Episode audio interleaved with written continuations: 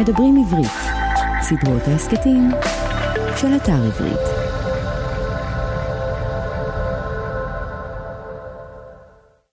שלום, אני רפי טופז, ואתם מאזינים לערוץ ההסכתים כותבים עברית של אתר עברית. סדרה זו היא חלק ממדברים עברית, ערוץ ההסכתים של האתר.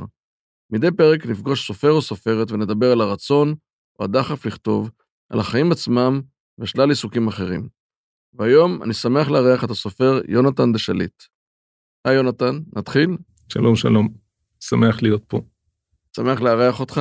אז בדרך כלל אנחנו נותנים uh, כמה קטעים מקורות החיים, אבל במקרה של uh, יונתן, uh, יונתן דשליט זה שם בדוי, וקורות החיים יישארו עלומים, אבל אני כן אקריא מספר פרטים לגבי הקריירה הספרותית של יונתן. אז יונתן פרסם עד היום ארבעה ספרים, בוגד, צוערים, סודות וקסמו האפל של הכפור. בשנת 2013 הוא פרסם למשך חמש שנים במסגרת העיתון מקור ראשון, ביקורות על קלאסיקות של ספרות ריגול, בלש ומותחנים. לכבוד פרסום הביקורת הספר הראשונה שלו, על האיש שחזר מן הכפור, בחר בשם העט יונתן דשליט, ששימש אותו בכל ספריו מאז. הוא זכה לפגוש את ג'ון לקארה ולשבת איתו פנים אל פנים בקומה השנייה של פאב אנגלי. יונתן גם תרגם את האוטוביוגרפיה של ג'ון לקארה, שני ספרים של הסופר האמריקאי ג'יימס סולטר, וספר מתח של ג'וזף קנון. יונתן בחר דווקא במרגלת, במרגלת, סליחה, ולא במרגל, להיות גיבורת הספרים שלו. יונתן, יש איזשהם, איזושהי אנקדוטה או אנקדוטות מהעבר שלך מהסיפור חיים שלך שאתה כן יכול לשתף אותנו בהם? אתה יודע, פה אני צריך אה, להשתמש בקלישאה שאם אני אספר לך אני אצטרך להרוג אותך. אז אל תספר לי. אה, אני לא אספר לך כרגע, אנחנו רוצים אריכות ימים. אגב, אמרת כרגע שאני בחרתי באישה להיות אה, גיבורת הספרים שלי, גיבורת הטרילוגיה, אבל האמת היא שהיא בחרה בי. כי הספר הראשון, בוגד, יש בו שלל, שלל דמויות ושלל גיבורים, יש ראש מוסד לשעבר, יש נשיא מדינה, יש אה, בכיר לשעבר במוסד, יש את הבוגד שהוא מתברר שהוא אה, איש מאוד בכיר וכולי וכולי, ופתאום במהלך הספר אני רואה שאחת הדמויות בעצם זוהרת, אה, לוקחת את הספר על עצמה, תופסת נפח, יערה, היא הגיבורה, ובעצם בסוף הספר היא זו שקבעה שהיא הגיבורה של הספר ושל הסדרה כולה. כלומר, זה משהו שצמח מתוך הכתיבה. לא יודע מתי, אני לא יודע מתי התנסית בזה, אבל אני בכלל ראיתי שהדמויות בספרים שלי הן אה, לא, לא שולטות בי, אבל הן מנהלות איתי דיאלוג, ויש להם חיים משלהם, והם הם עושים הרבה פעמים מה שהם רוצים. מעניין, זו חוויה מרתקת שאני גם כן חוויתי אותה. אה, וגם כשקראתי את הספר אה, הבוגד ואת יערה שטיין כדמות, ואחרי זה כשקראתי את ההמשכים, לא יכולתי לנחש מיד שדווקא היא תהיה הגיבורה, אבל אני מבין את מה שאתה מתאר, גם אני בספר החברים של סוזי, של הספר הראשון שלי, סוזי בכלל הגיעה מאוחר יותר, ולא ידעתי שהיא בכלל תהפוך להיות אה, דמות כזאת משמעותית. אז האם יערה באמת הייתה שם מההתחלה כדמות, או שהיא ממש הלכה ונבנתה תוך כדי הכתיבה של הספר? אז היא, היא בכלל, אני, אני ידעתי על מה אני רוצה לכתוב, אבל uh, לא, לא, אני לא מסוג אלה שכותבים ויודעים לכתוב איזה uh, outline של הסיפור על פני 20 עמודים, עם כל פרק, מה קורה, איך העלילה מסתעפת, איך הדמויות מתפתחות. Uh, היה לי רעיון מרכזי, בסיסי, uh, לחקור את נושא הבגידה. כי uh, הרבה מאוד שנים עסקתי בחלק ההפוך, בהופכי של זה, לחפש את, אה, את האנשים האלה שיכולים לבגוד ולמצוא את נקודות התורפה שלהם ולהשתלט על הנשמה שלהם וכולי. ופתאום אמרתי, זה יכול לקרות גם לנו, זה יכול לקרות שישראלי יחצה את הקווים, אה, יבגוד ביודעין או תוך עצימת עיניים, ורציתי לחקור את הנושא הזה. וזאת הייתה נקודת היציאה לדרך. הספר מתחיל בבחור ישראלי צעיר שדופק על הדלת של השגרירות האמריקאית, ואומר ל-CIA, אני רוצה לעבוד איתכם, ולא יודע שהוא נפל לתוך איזה אולם של מראות, והשליטה נשמטה מידיו, ומהרגע הזה הוא מיטלטל בין כוחות הרבה יותר גדולים ממנו. והדמויות נבנו לאורך, אה, ככל שהעלילה התפתחה, ולכן הייתה לי תמיד דמות של אה, אישה צעירה כמו יערה. פגשתי המון כאלה וחיברתי אה, מכולן איזה דמות אחת. אה, שהיא בדיונית לגמרי, אבל יש בה אה, אלמנטים שאני אה, ידעתי לזהות, אה, אינטליגנציה מאוד גבוהה, אה, תוקפנות, אה, אה, אהבה של קרב, כלומר יש אנשים, גברים ונשים, ומה שמפתיע שיש הרבה נשים כאלה שרואות קטטה ונכנסות פנימה. כלומר, הם בתוך הבוץ. ו... והיא גם יערה, היא גם יהירה מאוד, היא בזה לסביבתה, היא מניפולטיבית, יש לה צדדים מאוד לא יפים. ולאט לאט הדמות הזאת נבנתה והיא פיתחה רוחב כתפיים, למרות שהיא בחורה עדינה, היא לא קצת כמו נערה אה, עם קעקוע דרקון. כן. היא בסדרה השוודית. היא אה, אישה מאוד אה, קטנטונת, אבל יש לה, טוב, היא, היא קצת אה, מופרעת גם, אבל יש לה אה, עוצמה מאוד גדולה, גם אינטליגנציה וגם הרבה כעס. זה באמת מעניין שהנה עכשיו גם אחרי שאמרת, אז בסך הכל הרקע שלך, בניגוד להרבה סופרים של סופרי מתח וסופרי בלש, אתה מגיע ממערכת הביטחון, ולכן לקרוא את מה שאתה כותב, יש את תחושה מאוד ברורה שמישהו מדבר וכותב עם כל הדמיון, זה משהו שהוא מרגיש בנימי נפשו. ומעניין שהספר הזה באמת הגיע מתוך הרצון לחקור משהו, זאת אומרת, לחקור את הנושא הזה שאתה אומר, של, של בגידה, זאת אומרת, מה קדם באיזשהו מקום, מה קדם למה? זאת אומרת, בכלל העניין הזה של אהבת הכתיבה. אה, מתי אתה בעצם ידעת שאתה, שאתה רוצה לכתוב? אני חושב שאהבת הכתיבה מתחילה באהבת הקריאה. ולקרוא קראתי אה, מהיום שלמדתי לקרוא, אני יודע, מגיל 4-5, ולא מזמן נתקלתי בצילום שלי כשאני עוד לא יודע לקרוא ואני מקריא מתוך ספר לילדה קטנה שהייתה השכנה שלנו. כלומר זה מתחיל באהבת קריאה. אה, אחד הספרים הכי טובים על כתיבה אה, בעיניי, לא קראתי הרבה כאלה, אבל זה הספר של אה, סטיבן קינג, שנקרא על הכתיבה, on writing. ושם הוא קושר קשר מאוד מאוד הדוק בין, הרבה, בין קריאה לכתיבה. הוא אומר, זה ה... יש שני דברים שאדם צריך לעשות בשביל אה, להיות סופר. הוא צריך לקרוא הרבה ולכתוב הרבה. אז את הקריאה עשיתי, את החלק של הקריאה עשיתי באינטנסיביות אה, כל החיים.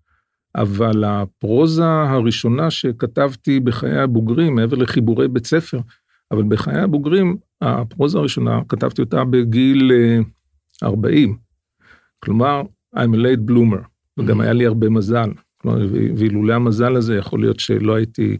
אבל מהרגע שכתבתי, וגם זה הצליח, אה, זאת אומרת שהיה מזל, מה הכוונה שהיה מזל?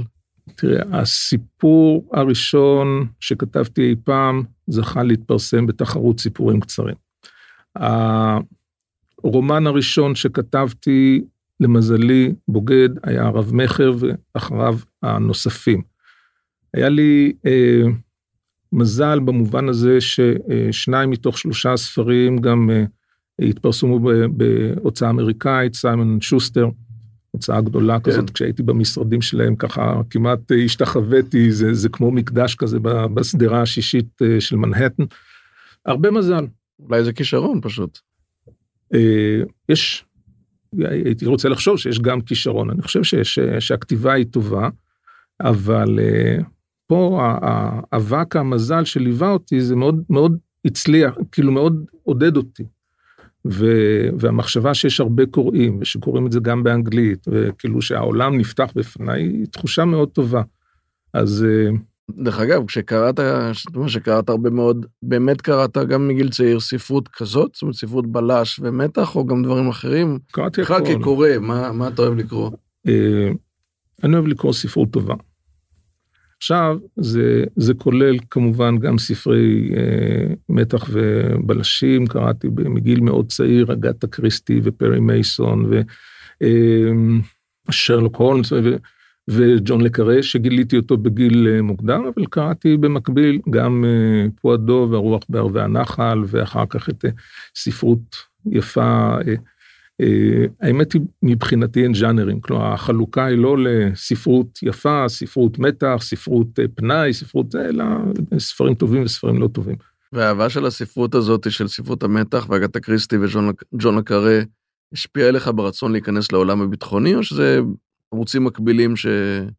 אני, אני חושב שכן, אני חושב שמשהו בעולם הזה שהוא מדבר אולי על הצד היותר אה, אפל שלי, העולם של, אה, שיש בו מלחמת מוחות, העולם שיש בו הרבה אה, אה, בדידות, זה, זה היה אטרקטיבי בשבילי. ואני חושב שחיפשתי את זה, כי התחלתי במסלול אחד ונעלמתי אחר כך לכמה עשרות שנים. וכשאתה רואה דרך אגב סוג של איזה שהם קווים אה, של דמיון בין כתיבה, סופר שיושב לבד וכותב וחי בעולם משלו, לבין העולם הזה שלך שהוא, שהוא בצללים, זאת אומרת, העבודה לבד, אני, ברור שאין, זאת אומרת שיש מעט דמיון, אבל האם אתה רואה משהו בזאב הבודד הזה בשני המקומות?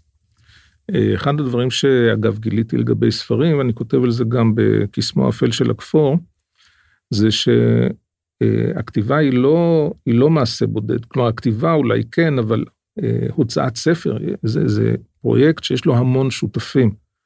וכל אחד מוסיף ערך וכל אחד מוסיף לאיכות, ונכון שהסופר נמצא במרכז, כי הוא זה שבא עם הרעיון, והוא זה שכותב, והוא זה שחוצב את ה, לפעמים את המילים מתוך, מתוך איזה סלע מאוד קשה, אבל יש לו עורך, עורכת, ואחר כך יש את כל שרש, השרשרת הייצור הזה של בסוף, כשיוצא ספר יש עורך ויש אה, עורך לשוני, עורכת לשונית, ויש אה, אה, מגיע ויש מעצבת ו... כן, אני חושב שגם כאילו... אני בתור מישהו שקרא הרבה, רק כשהתחלתי לכתוב הבנתי כמה אנשים מעורבים וכמה התפקיד הדרמטי של עורך או מתרגם או כל מיני תפקידים כאלה שאנחנו הסתכלנו עליהם בתור קוראים, אולי אפילו פחות ראינו את השמות, אבל הם מאוד מאוד דרמטיים לתהליך עצמו. כן, כי יש פה תעשייה, יש פה, אגב, אני, אני למשל, אה, תרגמתי גם uh, כמה ספרים, ציינת את זה. Uh, אני לא מתרגם מקצועי, אבל אני חושב שיש לי uh, לפעמים אוזן למוזיקה שלה, אבל, ו, וגם, וגם אגב לתרגום הגעתי בצורה מקרית, אם תרצה אני אספר לך. בכל מקרה, מה שאני מתכוון להגיד, בעבר נגיד השם של המתרגמים היה מוצנע בעמוד פנימי וזה. לאט לאט אתה רואה בהוצאות שהשם של המתרגם מגיע לשער. כלומר, הוא מקבל איזושהי אה, הכרה והוקרה. בכלל, התרגום לעברית בארץ הוא סיפור מאוד דרמטי, הוא חלק מהתקומה של המדינה. כלומר, גדולי הסופרים והמשוררים העבריים עסקו גם בתרגום, ואני חושב שאתה יודע, יש את הבדיחה הזאת ביידיש של תרגם ושיפר, כלומר, פרטייץ ופרבסר, ככה, זה, זה כל היידיש שאני יודע, אבל אה, אה, אבל כן, כששלונסקי או, או, או צ'רניחובסקי אה, תרגמו, כן. יכול מאוד להיות שהם גם שיפרו. כן. ואגב, במבח, במבחן קטן שאני אה, יודע לעשות, כשנגיד ספר שנכתב בצרפתית, מתורגם גם לאנגלית וגם לעברית, הסיכוי שהתרגום העברי יהיה הרבה יותר טוב הוא גבוה מאוד. כי יש איזו מסורת שמקנה, אתה יודע, לשפה הקטנה והעתיקה שלנו, אז יש אנשים שזאת באמת אה, מין משימה שהיא לא רק המשימה המקצועית של התרגום, היא כבר יצירתית והיא לאומית, אז mm. זהו, אז... אה, אז אם נדבר רגע על הכתיבה שלך, אה, ואתה אומר שהיה את הסיפור הקצר, ואז רצית לחקור את הנושא הזה של, של בגידה, ידעת שאתה מתיישב לכתוב ספר? כן. מה, מהשלב הראשון ידעת שמטרתך לכתוב ספר. ידעתי שזה הולך להיות ספר, והאמת היא שזה שזה זרם. אגב, אבל קצת התייחסתי לזה כאל מלאכה. אמרתי, אני חייב לכתוב כל שבוע חמישה עמודים. אם אני אתמיד בזה, אז תוך שנה יהיו לי 250 עמודים, 60 אלף מילים בערך, זה כבר ספר. כן. אז, אז אה, עכשיו, אני באמת יודע להעיד רק על עצמי, והניסיון שלי בכתיבה הוא בסך הכל מצומצם, למרות שהוא כבר, יש לו, התפרסמו כמה ספרים, אבל אני ממש בתחילת הדרך, אבל קראתי גם אחרים, אנשים סופרים אה, אמיתיים, כן? כן? אה, שמדברים על הכתיבה לא כעל איזה תוצר של השראה ומוזה, אלא של עבודה קשה, שאתה מתחיל בבוקר כמו שאתה הולך לנקש אה, עשבים מגינה, או להפעיל מכונת דפוס, או ניגש לעבודה, וככה גם אני התייחסתי לזה. וכשקראתי באמת את uh, בוגד, מה שעניין אותי עוד פעם, בעיניי זאת חוויה מרתקת להיות מסוגל לקרוא סופר שאתה יודע שהוא כותב uh, עלילה בדיונית, אבל על רקע המון המון שנים של ניסיון אישי. והפתיע אותי העניין הזה באמת, אה, למשל, של הבדידות שעולה מהספר. אה, בסך הכל האנשים האלה, אה, אנשי הביון למיניהם, עובדים מערכות גדולות ומאורגנות ומסודרות, ועדיין עולה תחושה של בדידות. זה נכון ש...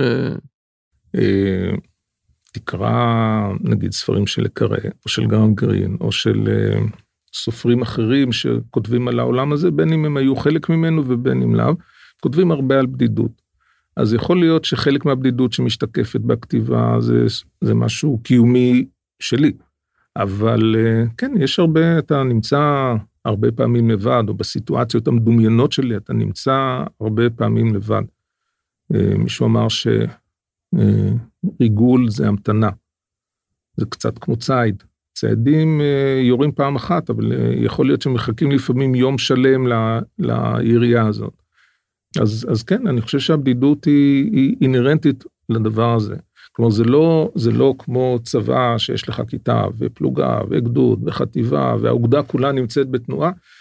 גם פה, אגב, אני חושב שהלחימה השתנתה והתפוררה לפרודות קטנות, למולקולות קטנות. בסוף אה, מדובר, אתה יודע, מדברים נגיד על הרב"ט האסטרטגי, זה שיושב במחסום. מעליו הוא חלק ממערכת עצומה, בסוף הוא לבד במחסום מול סיטואציה. והוא קובע אם הוא יהיה בן אדם או לא, אם תהיה תקרית או לא, אם הוא צריך עוד קצת סבלנות או לא, אם הוא נחוש מספיק או לא, הכל בסוף זה אתה לבד.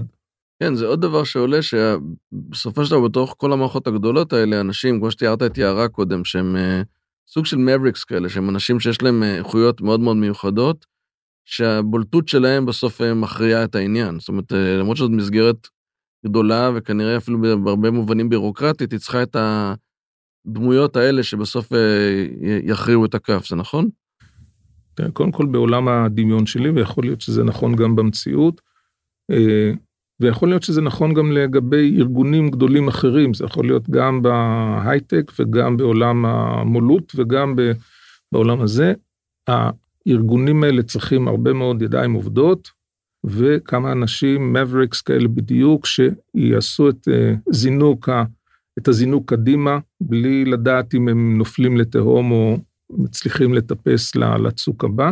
אלה האנשים שסוחבים אותנו קדימה, גם בעולם המדע, גם בעולם הכתיבה, מן הסתם גם בעולם הזה. כלומר, וצריך מינון מתאים, כלומר, תחשוב על ארגון שלם של מבריקס, ו- וזה, וזה מתכון לחורבן, אבל אתה יודע, יש, יש לי חבר שהוא מנהל של חברה אה, הייטק תעשייתית מאוד מאוד גדולה, והוא תמיד מספר על איזה טכנאי בשם יעקב, שהיה גורם לו נזקים אינסופיים, הוא היה מפרק משהו ולא יודע להרכיב, הוא היה, היו לו רעיונות שתמיד ירדו לטמיון, אבל פעמיים בעשר שנים הייתה לו הברקה. הוא החזיק אותו בשביל, בשיניים, בשיניים, עשר שנים כל פעם בשביל איזה הברקה ש, של יעקב הזה שתקפיץ אותם קדימה. יש כאלה. מה שעוד עניין אותי, אה, יש בספר, למרות שזה ספר אה, מתח וריגול, וכמו שאמרת, אני חושב שאין את ה... אני גם כן לא מאמין בעניין הזה של הז'אנרים, אלא יותר באיכויות הכתיבה. יש המון המון רגש ורגישות, למשל לטבע. אתה, יש כל מיני, אפילו תיאורים קצרים, אבל אה, לגבי השמיים והעצים, וכל מיני דברים ש, שתפסו אותי, זאת אומרת, במובן הזה שאני אמרתי, ניסיתי לחשוב האם זה באמת אהבה לטבע או הירידה לפרטים. זאת אומרת, אה, למרות שהתחושה שלי הייתה שיש אהבה גם לטבע, זאת אומרת, אה, אתה יודע, תחושה של המזג אוויר ושל עננים בשמיים.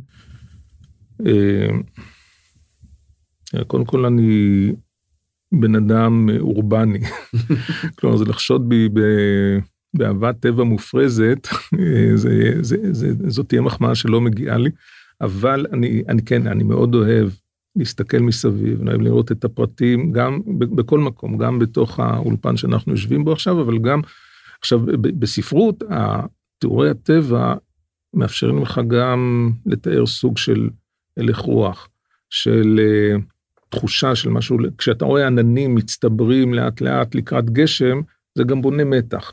כשאתה רואה uh, פרחים קטנים שפורחים במדבר, אתה אומר, זה אומץ, זה כוח. אז זה גם שימוש אה, כאילו ספרותי מודע בתיאור בשביל כאילו ליצור אווירה וליצור איזשהו רגש שנבנה, וגם כנראה כי זה מעניין אותי. אז... אה, גם מאוד עניין אותי ש... אתה מדבר הרבה מאוד בכתיבה על אינטואיציות. לכאורה בעולם הטכנולוגי שאנחנו נמצאים בו היום, ו... והמון מכשירים והמון אפשרויות והמון דרכים לכל מיני פעולות שקשורות לעולם הביון, ועדיין אתה איפשהו חוזר הרבה מאוד לנושא האינטואיציה של אנשים שבעצם יודעים אה, לראות את, ה... את הפרט ההוא בתמונה, שכנראה שום מערכת טכנולוגית לא, לא הייתה עולה עליו. לא יודע מה יקרה ב-AI בעתיד, אבל לפחות כיום. זאת אומרת, משהו כזה שאתה בא ואומר, צריך את ה insight הזה, צריך את האינטואיציה, את הניסיון של השנים, כדי בסוף לפצח משהו. א', אני חושב שזה נכון בהרבה תחומים.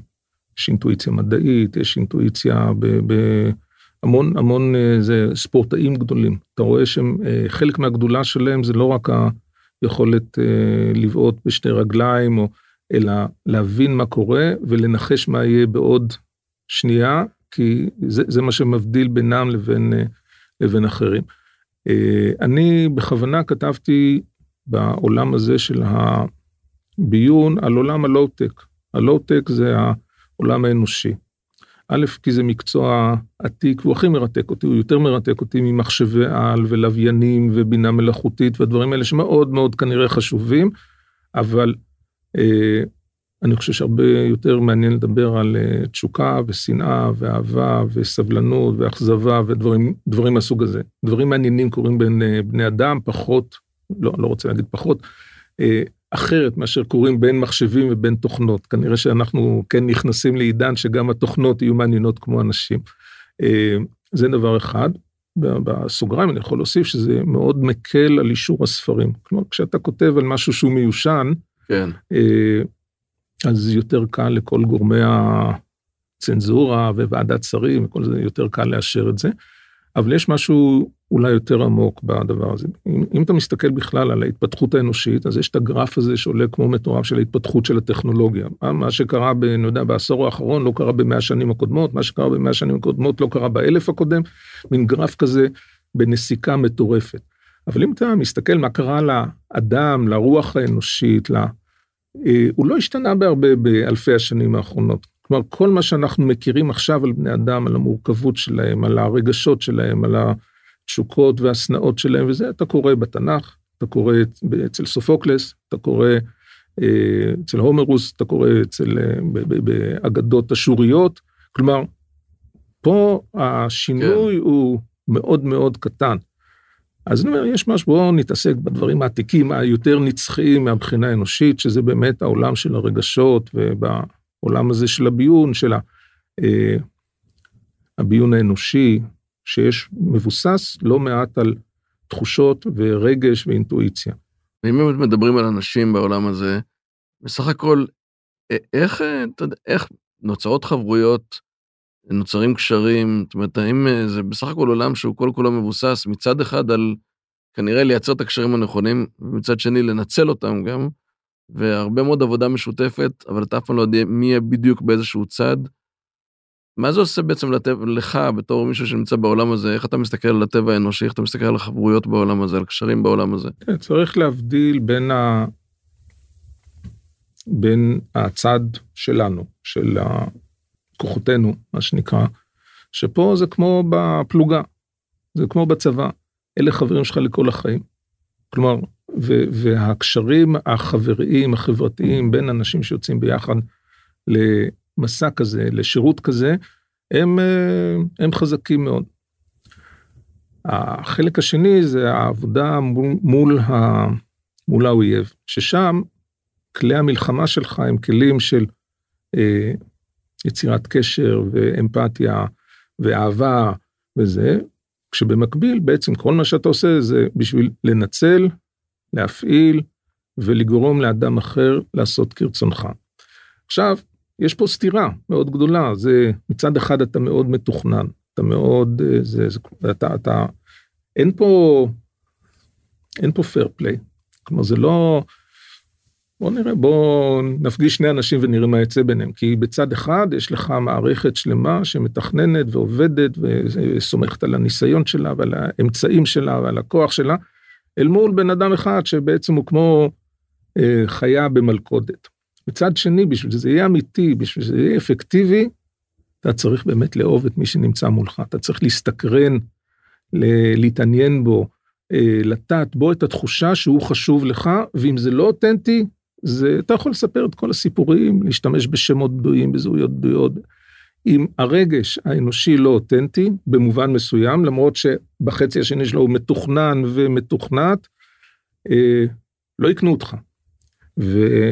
וזה סוג של פרדוקס. ואפשר ליצור את החומה הסינית הזאת, גם בקשר שלך עם אותו אדם שבאמת בצד השני, ואתה צריך לייצר יחסים טובים איתו, אבל לדעת בדיוק איפה עובר הקו, וגם אפילו מתי לא, זאת אומרת, בבית להתנהג אחרת, זאת אומרת, שלא... כן, בוא, בוא נגיד שזה האתגר הגדול. אבל זה תמיד מזכיר לי משהו שהמינגווי כתב באחד הספרים שלו על הקשר בין אה, לוחם השברים והשור. הוא נתן לו טענה עכשיו, לוחם השברים בא להרוג את השור. וכשהוא יוצא מנצח, הוא יוצא עם החלקים של הזה, הוא מקבל את החלקים של השור. המינגווי טען שהלוחם שברים אוהב את השור, שיש משהו של אהבה בריקוד המוות הזה. אגב, גם לוחם השברים מסתכן. יש לו חמש שברים שהשור לא יתאהב בהם, אבל, אבל אה, זה, אני חושב שהוא מאוד המחיש את הפרדוקס הזה. איך אתה יכול לאהוב מישהו שאתה הולך להרוג? זה כמעט כמו הגשש, אמרו אם דייג אוהב דגים. אה, זה שאלה, זה שאלה, אצל כן, הגשש זה, זה בדיחה, כן, אבל, כן. אבל אה, אצל המינגווי זה לא בדיחה, זה משהו מאוד מאוד מהותי. כי בעצם, בעצם זה חלק ממערכת, זאת אומרת, בסוף לוחם השברים צריך את השור. זאת אומרת, כדי לעשות, להצליח במשימה שלו בכלל. כן, הוא גם צריך, באופן פרדוקסלי, הוא צריך אתגר. כלומר, אם זה שור אה, חלוש, אז, אז, זה לא, אז הוא לא גיבור. כלומר, אז יש לך פה אפילו, יש לך גווני גוונים של פרדוקס ביחסים האלה, ואלה יחסים מאוד מסובכים. והם גם אלימים. ועוד מה שעולה מה, מהספר זה שבעצם מדובר באיזושהי קהילייה שהיא, יש לה איזשהם מאפיינים שיש הרבה מאוד שיתוף פעולה בין, בין אה, אנשים ממדינות שונות, ויש משהו שמחבר ביניהם. זאת אומרת, והם יודעים להעריך את זה. זאת אומרת, למרות שהם בצד אחר, אני מדבר דווקא על האנשים שמשתפים פעולה, לא על אה, כן. אחד מול השני. שלמרות שכל אחד מבין מאיפה הוא מגיע ומה מטרותיו, יש הרבה אהדה הדדית במובן הזה, וגם מוצאים איזשהו עולם שמבינים שאפילו עם אנשים במדינה שלך, אתה לא יכול להגיע לאותה, לאותה אינטימיות אולי, כי אנחנו, אתה מבין משהו שאנשים מסביבך לא מבינים, מישהו שהוא בצד אחר באותה מערכת גם כן מבין. אני אוהב לתאר את זה, וזה יותר ב, באמת בדמיון הספרותי, כי זה, כל הארגוני ביון האלה הם קצת כמו מסדרים חשאיים, ולפעמים יש קרבה בין חברי מסדרים, גם אם הם זרים ונמצאים, אה, כי הם מבינים משהו ב, בבדידות, בסגירות, בחשאיות, בצורך, ואז יש להם שפה משותפת. עכשיו, בכלל, תמיד יש שיתופי פעולה מהסוג שאתה מדבר עליו, יש גם אינטרסים, אבל הטענה, לפחות בספרים, שזה עובר, מעבר לאינטרסים, יש גם שותפות של ערכים, כלומר, מאוד מאוד uh, חשוב, אם אתה מאמין שאתה נמצא בצד הטוב, הצודק, שיש לך מטרה ראויה, ו, uh, וגם יש את הקרבה הזאת באמת של אנשים, אה, זה לא קרבה בין מצורעים, אבל זה קרבה בין אה, נזירים. אז... אה, כן. שלפעמים הם אגב נזירים מאוד נהנתנים, זה סיפור אחר. כן, גם זה אגב, זה מעניין שהנושא הזה של הנהנתנות, של האלכוהול הטוב, ושל הארוחות הטובות, ושל המלונות, ושל טיסות, ושל מין ענינות טעם, אה, זה ממש נדבך בעלילה באיזשהו מקום. זאת אומרת, האנשים האלה, שהם באמת מצד אחד יודעים להיות אלימים ויודעים להיות אה, לוחמים מהוללים, גם יודעים ליהנות מהחיים. אתה יודע, אני תמיד שאלתי את עצמי, נגיד, אם גנגסטרים מתנהגים כמו שהגנגסטרים בסרטי הסנדק, כלומר, האם, האם הסרט חיכה את המציאות, או שיש גנגסטרים שהולכים לקולנוע, לומדים את סרטי הסנדק טוב טוב, ומהם לומדים איך אה, גנגסטרים צריכים להתנהג. כלומר, יש פה משהו שאני לא, לא יודע מה, מה, מה הוליד את מה, כי באמת בספרות הריגול, אה, תחשוב בסדרה של הספרים ובעיקר הסרטים של ג'יימס בונד זה בכלל זה לוקח אותך למותגים, למכוניות אה, מפוארות, לנשים יפות, לקזינו, אה, קזינואים עם... קיצור, אני לא יודע מה, מה ילד את מה. כן, יש, יש, יש כנראה אה, גם משהו אותנטי וגם משהו חקייני אה, בעת ובעונה אחת בנושא הזה. אגב, בספר, אחת הביקורות על הספר אה, בוגד, שהיה ספר ראשון, שיש בו הרבה יותר מדי אה, מותגים, שמות של וויסקים שונים ודברים כאלה, איך, איך קרא לזה אה, אותו מבקר, עגלת הוויסקי המקרקשת, האלכוהול המקרקשת או משהו כזה, אבל בסוף הוא המליץ על הספר, זה היה בסדר. אני מניח שאנשים שרוצים לטרוף את החיים, זאת אומרת, יש משהו ב... ברצון הזה לטרוף את החיים, וכנראה גם בסוף לקחת חיים, אני יודע, אבל במין זה המון המון רגש, נכון? זאת אומרת, אנשים עם הרבה מאוד עוצמות רגשיות, הרבה, אנשים עם הרבה מאוד עם... שרוצים להגיע רחוק, רוצים להשיג, וזה מתחבר קצת אחד עם השני. אה, כן, וזה מתחבר, אה, יש לזה צדדים מאוד טובים, כי כשאתה מונע, נגיד, אנשים שעוסקים בתחום הזה, אתה מצפה לסוג מסוים של אה, נרקיסיזם. כלומר, אדם, זה, זה קצת גם כן סתירה פנימית, כי זה כאילו לכאורה מנוגד לחשאיות, אבל אתה מצפה שאדם שעוסק בדברים האלה ייכנס לחדר ויתפוס מקום, שישימו אליו לב. מסביבו יש הרבה אחרים שהתמחותם זה להיות אפורים ולהתמזג בקירות. אבל אז כאילו אתה אומר, כל הסיפור הזה של שופוני הוא מאוד חשוב כן. עד גבול מסוים, כי לפעמים יש משהו בנרקיסיסטיות עודפת, יוהרה מופרזת, אה, יערה למשל שהזכרנו אותה, היא לפעמים עוברת את הגבול, כי היא עוברת את הגבול בין ביטחון עצמי ליוהרה, בין אה, אה, מניפולציה לבין עצלנות, בין, כאילו אין לה, אין לה גבולות, אין לה אלוהים, רק היא יודעת, ולפעמים אה, מישהו כל כך יהיר גם חוטף על זה. כן. ואם נחזור לנושא הכתיבה ולספרים, ואתה יודע, מה שמרשים אותי זה שאתה גם כותב, אבל גם תרגמת, ואתה גם אה, כתבת ביקורות על, על הספרים. זאת אומרת, רואים ומרגישים את אהבת, אהבת התחום, אהבת הספרות. וכשאתה מדבר על סופרים בתחום והערכה שלך אליהם, אמרתי לעצמי שאתה יודע, אתה הרבה מהם כתבו לא מתוך התחום והם לא עשו את זה, ואתה כן, ועדיין אתה יודע להעריך את הכתיבה שלהם, אתה עדיין יודע להסתכל ולהגיד, לא, הם לא מבינים, אלא להפך, אתה בודק את יכולות הכתיבה, למשל, ג'ון לקרה, שהוא כן אולי היה בתחום, אבל הוא היה די זוטר שם, אגתה קריסטי ש, שלא היית אומר, לא, ואתה עדיין יודע למצוא את האיכויות ואת התכונות הטובות ואת הכישרון הספרותי. זאת אומרת, אתה לא מסתכל על זה בעין ביקורתית ואומר, הם לא משם. לא, להפך, אני חושב שה... אה, מה שאני לפחות מחפש בספרות, זה קודם כל כתיבה טובה. עכשיו, כתיבה טובה זה שאלה מעניינת, מה זה? זה גם תיאורי הטבע המדויקים, אבל זה גם הבנה בנפש האדם, וזה גם לספר סיפור טוב ולגרום לך להזדהות עם, עם הגיבורים ולעבור מעמוד לעמוד. יש המון דברים שהופכים כתיבה לכתיבה טובה, זה מהשפה ועד ה... אה, אני חושב שהיכולת של סופרים טובים, אה, היא, היא הרבה יותר חשובה, נניח, נניח שצריך לכתוב אה, משהו על חדר ניתוח. תיקח 100 מנתחים הכי טובים, הסיכוי שמישהו יכתוב מהם ספר טוב על חדר ניתוח הוא מאוד קטן אגב. יכול להיות מישהו שסופר טוב, שיכתוב על, על חדרי ניתוח, יכול לעשות את זה הרבה יותר, אה, כמובן, הוא לא מכיר את הטכניקה, הוא לא למד ש, שבע שנים ועוד חמש שנים ועוד אה, לא יודע כמה שנים, הוא לא יודע לנתח בעצמו, אבל הוא יודע לראות אנשים. הוא יודע לראות, אה, לזהות רגשות, הוא יודע לספר סיפור מעניין. אני יודע, Grey's Anatomy, כן. אם תרצה. אני מניח שהאמינות הרפואית של Grey's Anatomy היא חלקית בלבד. אבל כל היוצרים של הסדרה האינסופית הזאת, שמצליחים לרתק אה, מיליוני צופים כבר במשך אני לא יודע כמה עונות, הם אנשים שיודעים לכתוב, לכתוב, אחר כך לשחק, לעשות טלוויזיה, אבל, וזה יותר חשוב, בעיניי נגיד אחד הספרים, ספרי הריגול או הספרים שמלמדים הכי הרבה על, על עולם הביון, זה כתב בכלל ג'ון בנוויל, סופר אירי מאוד מפורסם, אה, לא מתמחה בספרות מתח, שכתב את המוקצה. וזה בעצם, זה, זה, זה רומן בדיוני, אבל מבוסס על אחד מה Cambridge Five והחמישה מרגלים המפורסמים של, של, שריגלו בשנות ה-30 לטובת הקג"ב, או איך שקראו לו אז, כי שמות מתחלפים כל הזמן, ואני חושב שיש בו תובנות על עולם הריגול שהן הרבה יותר מכל אה, מרגל מקצועי שחשב אה, לכתוב ספר. אגב, באמת, ואתה צודק, ג'ון לקארי היה מרגל מאוד קטן, אבל סופר מאוד גדול. אתה הרגשת לפגוש אותו?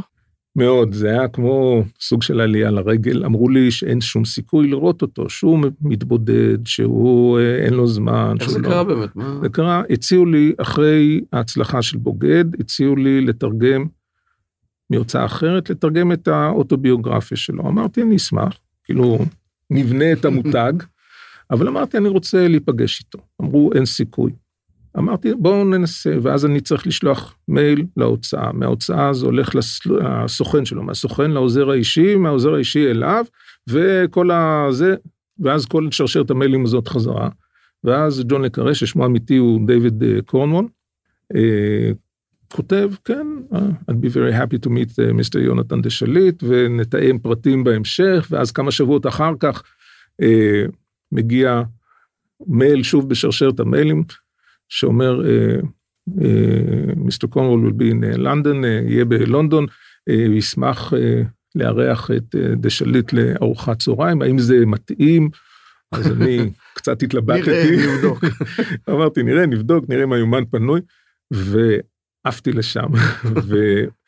וזה היה מפגש מדהים, כן, ואני, הפגישה בשבילי זאת הייתה עלייה לרגל, ממש עלייה לרגל, הייתה לי התרגשות אמיתית של מישהו שהולך, אה, אתה יודע, יש תמיד את המשחקים האלה, אם היית יכול לפגוש מישהו, את מי לצהריים, את מי היית בוחר, יש כאלה שבוחרים את איינשטיין, יש כאלה שבוחרים את בן גוריון, יש כאלה שאומרים, אני רוצה לראות שוב את אבא שלי, הכל.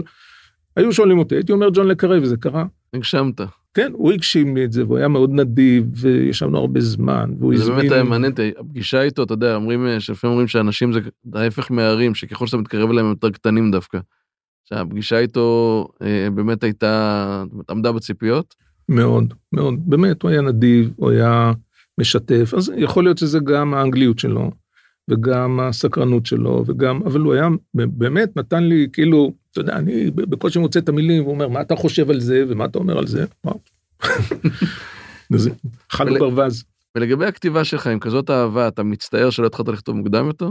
יש לי תיאור. קודם כל, אתה יודע, אפשר תמיד אה, להצטער על דברים ש, שלא קרו, כי בחיים שלנו יש המון דלתות מסתובבות, אבל אה, יש לי תיאוריה, אני לא יודע אם היא נכונה, לא בחנתי אותה על עולם הספרות, שרוב הסופרים, או רוב האומנים, אבל בטח סופרים, אה, יש להם פרק זמן מו- מוקצב לכתיבה איכותית. תבחן הרבה מאוד סופרים מפורסמים, תראה שהיו להם נגיד 30 שנה טובות. הספר הראשון שלהם שזה, ועד אחר כך זה הלך וזה. אז אני טוען, אני התחלתי מאוחר, אמרתי, ה-40 של, שנה שלי מתחילות עכשיו, ו, ואני מאמין בזה, אני מאמין שבאמת ה, יש איזה, יש כמובן יוצאים מהכלל, אבל אה, אני שמח שהתחלתי מאוחר, כי זה ילווה, ילווה אותי עד סוף החיים.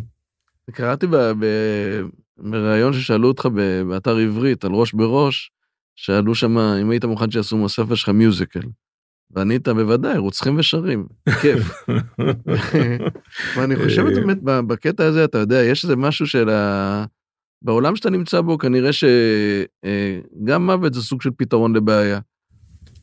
אה, זה גם נכון, אבל אה, אתה יודע, צריך, אה, האמת היא שצריך למצוא לכל, קודם כל צריך להיות מאוד צנוע, לרוב הבעיות אין פתרונות. ולחלק מהבעיות הפתרונות הם רק חלקיים, והפתרון הזה של מוות הוא באמת לא מומלץ. והוא לא, ובדרך כלל הוא לא הפתרון הכי טוב. אז, Mhm. אה, אבל, אבל אה, זה נשמע טוב.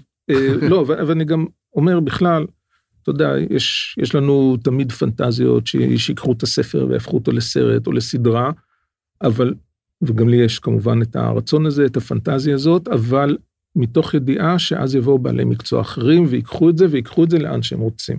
כלומר, אני אה, משחרר במובן הזה. מהרגע ש, שהספר יצא לאור, הוא כבר קצת שלי, אבל הוא בעיקר של אחרים, ולכן אני, אם, אם זה יגיע, נגיד, שהספרים שלי יתפסו, בין אם זה מחזמר ובין אם זה סרט קולנוע או סדרה בנטפליקס, שיקחו אנשי המקצוע, האומנים של התחומים האלה ויעשו את זה בדרכם, ואני שלם עם זה. אתה אגב באמת מקבל אה, תגובות? זאת אומרת, אתה, יש לך קשר עם, אה, עם קוראים? יותר מורכב במקרה שלך, אז... כן, אז תראה, קודם כל, אני, יש אנשים שמכירים אותי. אגב, אני לוקח בחשבון שאת התגובות הטובות, התגובות הטובות מגיעות, והפחות טובות, אה, אה, זה אנשים לא, פחות זה, אבל יש תגובות שמגיעות דרך ההוצאה, יש, אה, בקיצור, יש הרבה, זה, זה, זה יוצר איזה, איזשהו, הפרסום של ספר יוצר איזשהו קשר עם אנשים שאתה לא מכיר, והקשר הוא לא תמיד ישיר, הוא בא בעקיפין, הוא מאוד מאוד משמח אותי. אחד הדברים, אתה יודע, מתייחסים לז'אנר הזה של ספרות מתח כספרות קצת אה, לא, לא ענינה ולא גבוהה ולא יפה. אה, יש סופרים ישראלים שמתהדרים בזה שמכרו 300 עותקים מספרם. אגב, סופרים מצוינים, אבל אני, מאוד מאוד חשוב לי דווקא הקשר הזה עם הקהל שאני לא מכיר. אם ספרים נמכרים בעשרות אלפי עותקים ועוברים גם מיד ליד, אתה יודע שיש ציבור גדול מאוד שאתה מנהל איתו סוג של קשר ויחסים בלי שהם יתממשו. Mm-hmm. היום סנטנה בן 75. הלכתי לראות אותו בהופעה לפני uh, כמה שנים כשהוא היה בפארק הירקון, גיטריסט גאון. היו בקהל משהו כמו 30 אלף איש, ואמרתי, וואי, כולם קראו את הספר שלי. אז לא, כאילו, הדבר ההמוני הזה, הוא כן. בעיניי, הוא, הידיעה שהוא קיים מוצא חן. כלומר שהדיאלוג הזה שמעולם לא מתממש, הוא קיים עם הרבה מאוד אנשים. והרגלי הכתיבה שלך, אה, מתי אתה כותב, כמה זמן אתה כותב? אני משתדל כל הזמן לעבוד בכתיבה, אבל היא תמיד אה, בנוסף לדברים אחרים שאני עושה. התהליך, תהליך, התהליך הוא כזה, כלומר יש איזה נגיד, זה קרה עד עכשיו בערך שנה כתיבה ושנה אישורים. אז הדרך היחידה שלי להתמודד עם ייסורי האישורים ועם ההמתנה זה להתחיל לכתוב את הספר הבא, ולכן התפוקה נגיד של העשור האחרון הייתה יפה במובן הזה. עכשיו אמרתי לך, עשיתי את חישובי הקיצין האלה, כמה צריך לכתוב בשביל שיהיה לך ספר, בסוף זה עבודה. אני עושה אותה אה, בערבים, בסופי שבוע, ואמרתי לך לפני שהתחלנו להקליט את השיחה הזאת, היום זה היום הראשון בחיים שלי, באמת, שלקחתי חופשה בשביל לגמור את השני אחוזים האחרונים של הרומן הבא שיצא לאור. אז חלק מהיום כתיבה הזה אני מבלה פה, אבל זה בסדר, זה, אנחנו מדברים על ספרים, זה נותן לי, נותן לי כוח. אתה יכול לתת לנו איזשהו משהו, איזשהו טעימה מה, מהרומן הבא, רק איזשהו משהו מסיפור המסגרת? כן, לרומן הבא קוראים אין הזדמנות שלישית, אה, זה אומר שיש הזדמנות שנייה. מדובר על אה, עלילה מאוד מורכבת שיש בה אינטרסים פוליטיים, ישראל וארצות הברית ורוסיה ברקע. אה, יש משימה, הפעם היא קורית בתוך המוסד, בספרים הקודמים זה היה מין יחידות חיצוניות כאלה, וזאת משימה מלוכלכת. וכדי לממש אותה, ראש המוסד מקימה צוות של אנשים שהחיים כבר חלפו עליהם. אחד פצוע ונכה קשה, השנייה מרגישה שכבר היא, זה אחד עבר מהנהיגה המבצעית לניאונים, אנשים שמתים לחזור למה שהם עשו קודם ולתת לעצמם הזדמנות שנייה. אה, אז זהו, זה, זה, זה סיפור המסגרת, חוליה של אנשים מיספיץ אה, כאלה, אנשים שהחיים כבר לכאורה עברו אותם. עברו אותם ונותנים להם הזדמנות להיאחז שוב בדבר הזה. וזו שאלה אם הדבר הזה הוא באמת מספיק חשוב בשביל להיאחז בו, אבל זה הסיפור, ויש פה... ואת יערה אנחנו נפגוש? לא, לא, היא מוזכרת בספר הזה, אבל זה ספר חדש, זה לא קשור לשלושה ספרים הקודמים, זה יחידה אה, חדשה, גיבורים חדשים, מגוונים. Mm-hmm. אני, חושב שזה, אני חושב שזה יהיה ספר מצוין, יש פה במקרה חוליה מבצעית עם שני אנשים עם נכויות קשות, ו-and they shine. כלומר, mm-hmm. זה ההזדמנות שלהם. וכשאתה כותב ספר, אה, ויש לך, אתה הולך איתו כל הזמן, זאת אומרת, ברור שכשאתה כותב, אתה כותב, אבל זה משהו שמלווה אותך במשך היום, אתה כן. חושב על זה, אתה... כן. זה מלווה אותי, לא, לא רוצה להגיד אה, כל שעה משעות היום, אבל אני באמת, כל הזמן זה, ואני יוצא מעיניים לפעמים, ו... לפני שאני נרדם אני חושב על הדמויות, ולפעמים הם, אמרתי, יש להם חיים משלהם. באחד הספרים שלי, אחת הדמויות נהרגת. חלק מהסיפור.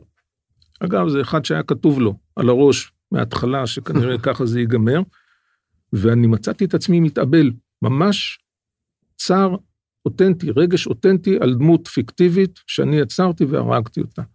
אמרתי לעצמי, טמבל, אם אתה כל כך מצטער, אז אל תהרוג אותו, שיחיה.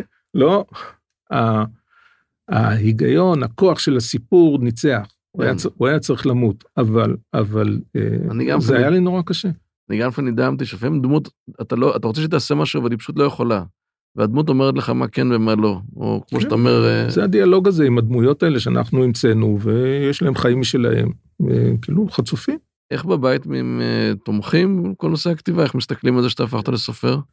כבר הרבה אה, שנים, אבל בכל זאת. מאוד, מאוד, כן. מאוד. טוב, אולי נעבור אה, לשאלון קצר? יאללה, אה, בוקר או ערב? בוקר וערב, מוזיקה או שקט? שקט. למרות שאתה אוהב את סנטנה, אני מבין. אני אוהב מוזיקה, כן. אבל... אתה כותב, אתה כותב בשקט. אני אבל. כותב בשקט. ספר או סדרה? ספר. תמיד ספר. תמיד ספר. חופשה או עבודה? לצערי עבודה. כלומר, אני לא טוב בחופשות, אבל אה, אני מקווה ללמוד וויסקי או בירה? אה, וויסקי. זה קצת מתחבר לשאלה אם junk food הוא גורמה. גורמה, למרות איך, אה, איך שאני נראה, אבל אה, כאילו אני יודע לאכול junk food כמו גדול, אבל תן לי אוכל טוב. רומא או ציריך? אה, רומא, בטח. עט או מקלדת? אתה יצא לך לכתוב בעט? יש לי עטים יפים, אבל אה, אני כותב במחשב. קר או חם? קר. מטרה או דרך? דרך. והאם תעדיף תמיד להקדים בשעה או לאחר ב-20 דקות? פה אני חושב שנדע את התשובה מה מהבוקר. התשובה בדיוק. תמיד, אף פעם, אף אחד לא יצטער על זה שהוא הקדים. אה, זה משפט יפה. והאמת שאני יכול לראות קצת מהמקצוע שלך בעובדה שבשאלות אתה עונה קצר, כשאומרים לענות קצר אתה עונה קצר. אין, אין מה לנדב סתם מידע. יונתן, תודה, היה תענוג לראיין אותך ומרתק, ותודה שהסכמת לבוא. ותודה שהזמנת אותי, היה לי כיף, תודה רבה. אז תודה רבה ליונתן דשליט. האזנתם לכותבים עברית, סדרת ראיונות עם סופרות וסופרים במסגרת ערוץ ההסכתים של אתר עברית. באתר עברית תוכלו למצוא אלפי ספרים בכל הפורמטים, דיגיטליים, קוליים ומודפסים, וגם, כמובן, את הספרים של יונתן דשליט. להתראות בפרק הבא. האזנתם לדברים עברית, סדרות ההסכתים מבית אתר עברית, חנות הספרים הדיגיטליים, מודפסים והקוליים הגדולה בישראל. ספר זה וספרים נוספים מחכים לכם באתר עברית.